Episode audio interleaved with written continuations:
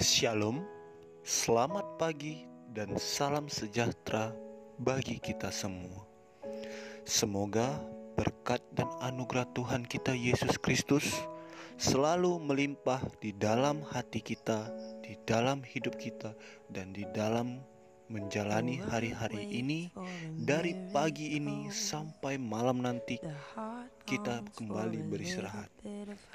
Baik saudaraku, Renungan pada pagi hari ini diambil dari pengkhotbah satu ayat yang ke-14. Begini bunyinya.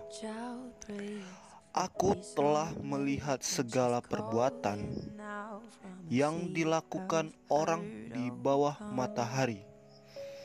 Tapi lihatlah segala sesuatu menjadi kesaksian dan usaha menjaring angin.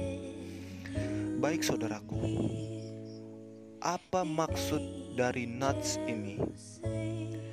Tuhan semesta alam ingin mengajari kita dan ingin memberitahu kita bahwa hidup di dunia ini hanyalah sementara. Jadi, pergunakanlah waktu hidupmu, pergunakanlah setiap kesempatan yang Tuhan berikan dengan sebaik-baiknya sehingga itu semua tidak menjadi kesia-siaan. Selanjutnya, di sini pengkhotbah ingin memberitakan bahwa kita hidup di dunia ini punya tujuan.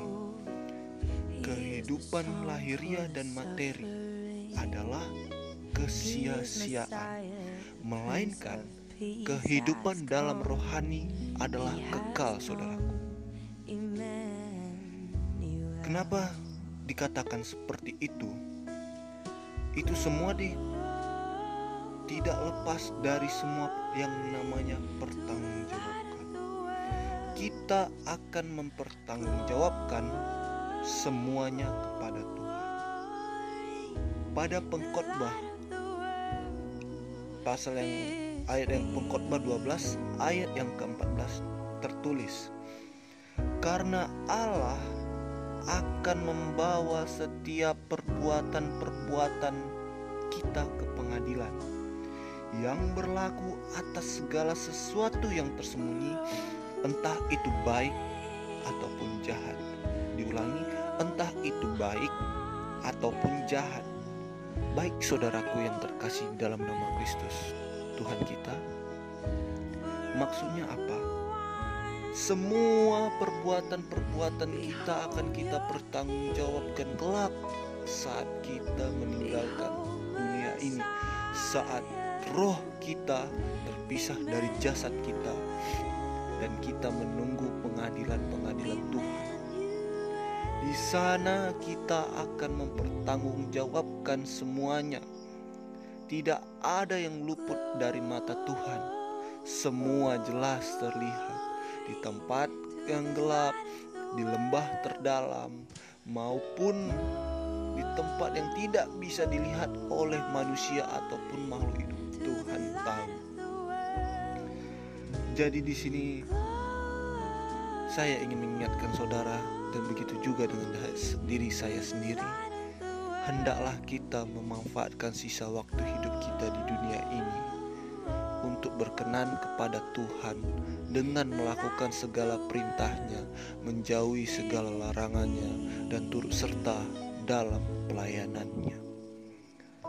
Di sini ada beberapa yang kita perlu renungkan bagaimana caranya agar hidup kita ini, saudaraku, hidup kita ini bisa menjadi bermakna, tidak menjadi suatu kesia-siaan, yaitu yang pertama, nikmatilah anugerah Tuhan, anugerah yang diberikannya dengan bersyukur.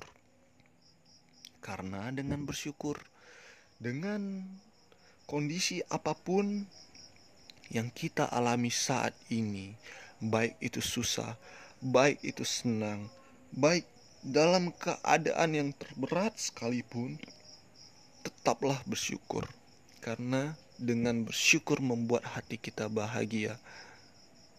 Yang kedua, gunakan waktu yang ada dengan sebaik-baiknya.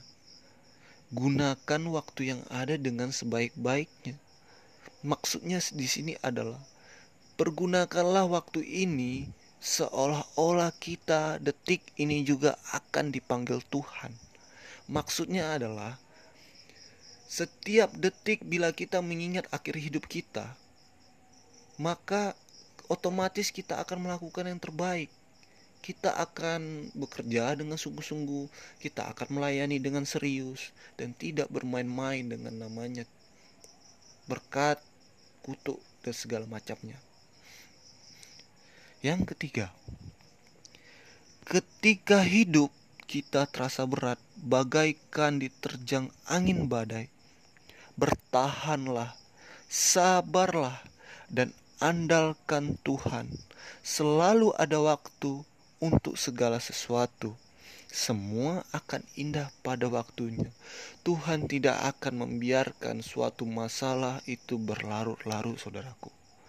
Ya, perhatikan, Tuhan tidak akan membiarkan kita dalam masalah dan meninggalkan kita begitu saja. Tuhan akan pertanggungjawabkan kita. Tuhan akan melindungi kita. Tuhan akan bela kita asalkan kita mau meminta dengan hati yang ikhlas, asalkan kita tidak sombong dan mengandalkan kekuatan sendiri, asalkan kita mau selalu dekat dengannya, Tuhan akan selalu beserta kita. Yang keempat, hiduplah dengan bertanggung jawab dan lakukan panggilan Tuhan yang khusus bagi diri kita Maksudnya panggilan Tuhan yang khusus saudaraku, setiap insan manusia yang ada di muka bumi ini memiliki talenta dan tujuan hidup masing-masing.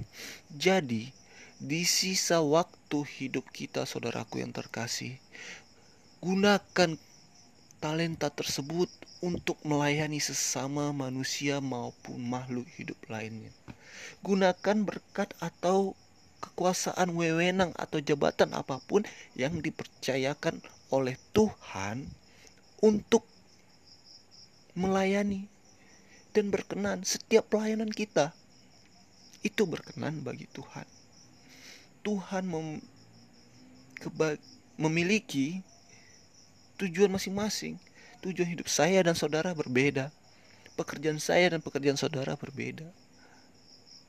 Makanya itu kita bisa saling melengkapi saudaraku. Andaikan kita semua sama, maka dunia ini tidak ada warna.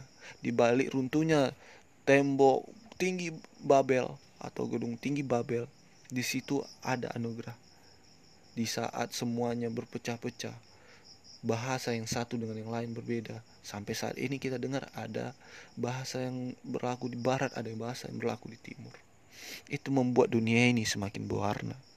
Maksudnya tuh adalah gunakan setiap waktu kesempatan yang diberikan Tuhan kepada kita untuk selalu memuji dan memuliakan nama Tuhan.